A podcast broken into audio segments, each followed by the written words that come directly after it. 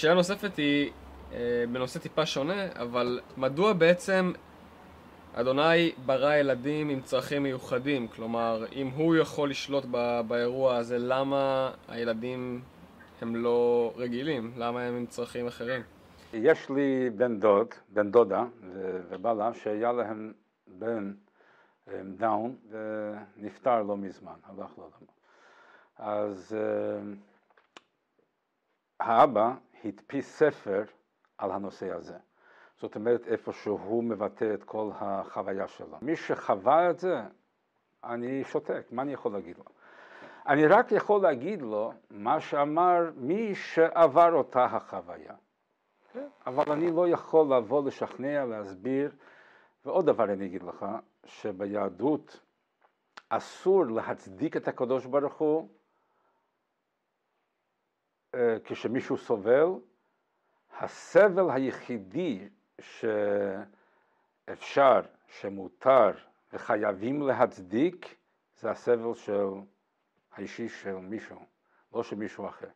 זאת אומרת, אם אני סובל משהו, אני צריך לחפש בתוך החיים שלי למה בא לי את זה. כן? אם זה עונש, אם זה אתגר, כן? לחפש הסברים. אבל אם מדובר על סבל של יהודי אחר, אסור, פשוט אסור, זה אכזרי, לומר לו, הקדוש ברוך הוא יודע מה הוא עושה. אין דבר כזה. אנחנו רואים שאברהם אבינו, כשהקדוש ברוך הוא אמר לו שהוא רוצה אה, להפוך את סדום ועמורה, מה עשה אברהם אבינו? הוא אמר, טוב, הקדוש ברוך הוא זה עולם שלך, טוב, הכל סבבה. לא, הוא עמד והתחנן והתעקש למצוא איזושהי דרך שלא יקרה דבר כזה. משה רבינו עשה יותר אפילו מזה. כן? שהקדוש ברוך הוא אמר לו שהוא רוצה לחסל את העם היהודי, חס ושלום, ולבנות עם חדש ממשה רבינו וצאצאיו, מה אמר משה רבינו? אם אתה לא תסלח לעם ישראל, מכני נא מספרך אשר כתבת. אני לא רוצה חלק מזה. והקדוש ברוך הוא קיבל וסלח את עם ישראל. אז מי שמאמין, זאת אומרת, התפיסה של אמונה ביהדות זה לא מי שמאמין בקדוש ברוך הוא מקבל כל מה שהקדוש ברוך הוא עושה, ככה באדישות, לא.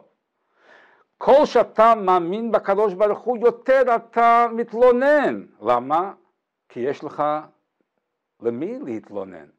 מי שלא מאמין בקדוש ברוך הוא, איפה יתלונן?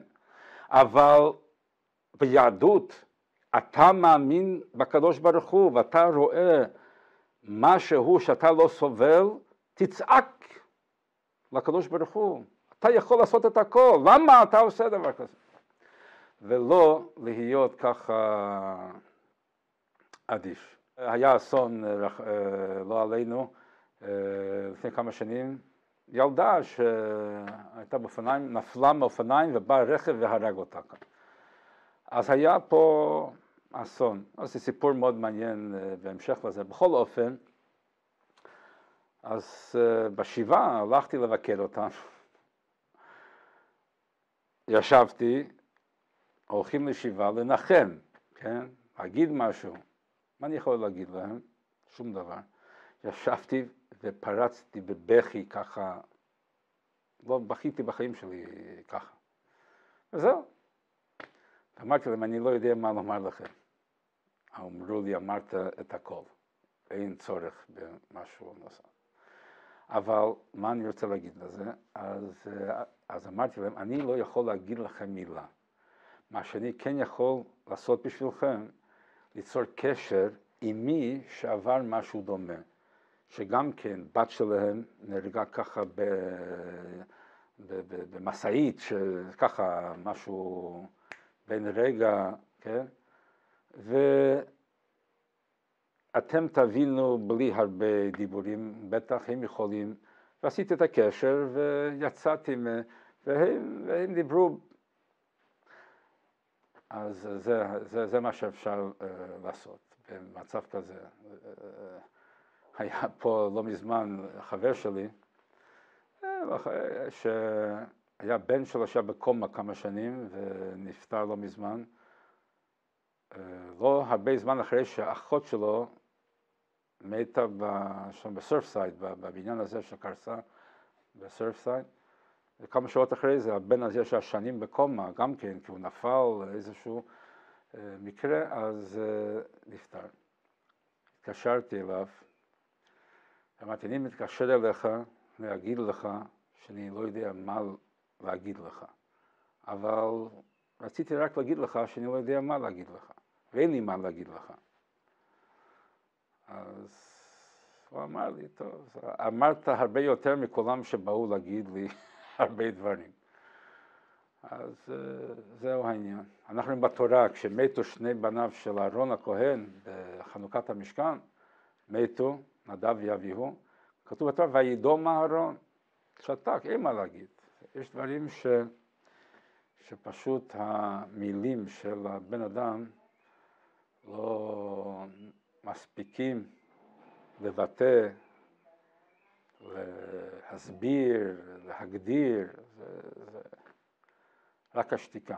סבא שלי, רבן ציון שם טוב, הוא היה חסיד אה, מפורסם, חסיד אה, מיוחד במינו, אז הוא גר ברוסיה תחת אה, סטלין. אז היה לו פתגם, כן, אוקיי, הוא היה בסיביר כמה שנים, הוא התחתן שם עם סבתא שלי. אז בכל אופן, אז הוא אמר, היה לו פתגם, צריכים לדעת לדבר עם העיניים. בשביל מה אם כן ברא הקדוש ברוך הוא את הפה? שיהיה סתום, לסתום אותו. אז יש דברים שאפשר אה, לבטא על ידי הפה. אפשר על ידי העיניים לסגור את הפה.